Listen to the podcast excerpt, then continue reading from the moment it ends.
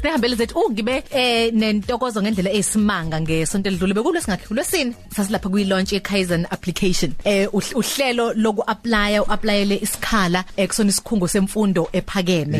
Eningizi manje isikhungo semfundo ngibala toni na? Ngaba yi TVET ngaba yi university college ngaba yi private college noma i- ama ama university lawo UKZN njalo Yes. njalo kuzwe lonke. Hey wesipho indlela engayithanda ngayo lento kathi mm, mm, mm, mm, mm. ngempela ngempela yinhle ngendlela esimanga zikhona ihambeli zethu abasunguli bayo usahluko nosabelo. Sabona sabelo sabona sahluko hayi ninjani? Sikhona njani siyaphila sengigajwe sengigajwe injabulo. Uyabona sipho indlela engayibona ngayo izoshintsha indlela abantwana bethu abakwazi ukuthi bazithole ngayo. Uyazi ukuthi kukhona eh m- mina ke ng- ngoba nga- nga- ngaba nenhlanhla ukuthi ngifunde ko Yeah. Chepstein High njalo njalo. Wenza oma psychometric test. Ukuthi utholakala ukuthi okay ama strength nama weaknesses akho um- umandla kuphi ubuthaka kuphi ngokuthanda ini nani nani. Lokho kuveza ukuthi umuphi umkhakha okufanele. Lento ikwenzela into ecishe ifane naleyo. Ukwazi ukuthi ukhethe ngithanda ukuthi ngithanda ukuthi ngithanda ukuthi ngithanda ukuthi. Bese kupha uhlele emkhakha eyahlukahlukene ongakwazi ukhethe kuyona. Bese kususa lapho kuleyo mkhakha ik- bese ungena ukuthi leyo mkhakha ifundelwapi udingela udinga ama point amangakanani? Udinga hey yinhle okay okay sikhulunywa imina kakhulu abanini yobe khona. Sabelo eh ninjani? Alright Sabela. hayi sikhona sikhona siyajabula ukuthi eh eh, ni sibe nani namhlanje ekhosini FM eh ngihamba nomfowethu la eh, usahluko eh eh, eh, i co-founder ye Kaizen Applications eh Ewhe inkulu le ndaba inkulu le ndaba. Njengoba bekade seyichazile eh, usisi Nongcebo eh we are a, a, a, an organization that facilitates i transition uh, from high school to varsity. Okay. but manje into esi analyzeile over the years ukuthi abantu they are only concerned nge application kuphela kanti you know I'm a psychologist by profession. So Okay. there are a lot of stages stages uh, that are actually involved before the actual application. So the an application is there to fill that gap we we, we talk of career guidance career assessment. Career planning before the actual application. So siconcern ngalokho ukuthi sifuna uku aligna ingane from grade 11 from grade 10 grade 11 before bafike even ku matric ukuthi ama skills or else ama attributes abo uh, cognitively they are here. And then bese aligna lokho na, na, na ne reality ye open labor market. Because uma ubuka ukuthi u government wenzani each and every year u producer or u release a list yama what we call ama scarce skills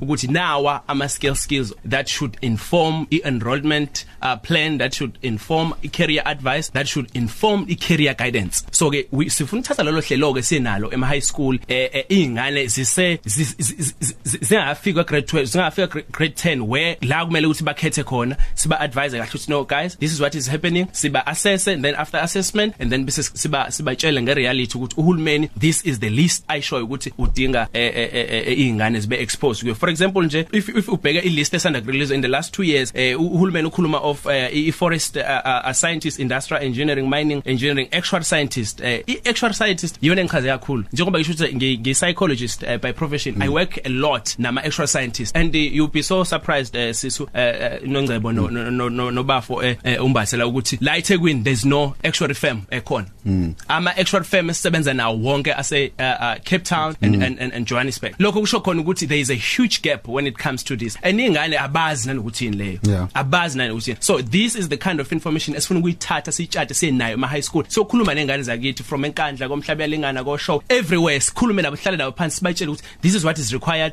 and this is what they should be actually you know focusing on when when actually they Okay. uh, they dream for varsity. Seyindabeni yamanqamba ngamba because ngiyafemba ngiyathanda ukuthi ngikufake la eh, mfoka um, sithole ngaphambi ukuthi seyindabeni. Omunye umuntu uzobuza.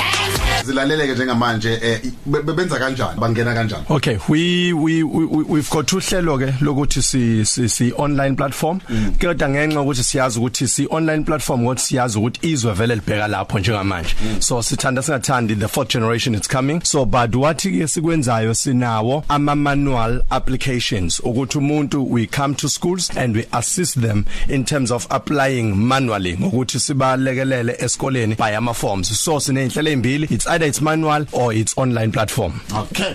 Bela khoze FM sifumele seyindabeni ke eh, zehora lesi. Lokamanxebe hora lesi sheka lombili khoze ne FM losicela mbokazi masibuye kanje nizobe siyavala ke. Uzona ukuthi ungayingena kanjani ke usebenzise ke eh, le Kaizen applications ukuyona sikhuluma ngayo uzokwazi ukusiza ukuvala le gap ekhona eh, yokungabikho kolwazi phakathi ke kwabafundi eh beyake ekhungweni zemfundo ehlukene. Khona Asivaleke bafowethu ngaphambi sike kusiphathe nezemidlalo. Uh, Umlale ikole ivaliwe basemakhaya othisha bayalalela ukuthi awunakho singazikwazi ukusiza ingane zethu kwazona ingane eh, zilalele. I step sami sokuqala ukuze ngikwazi ukusizakala la ngenze njani?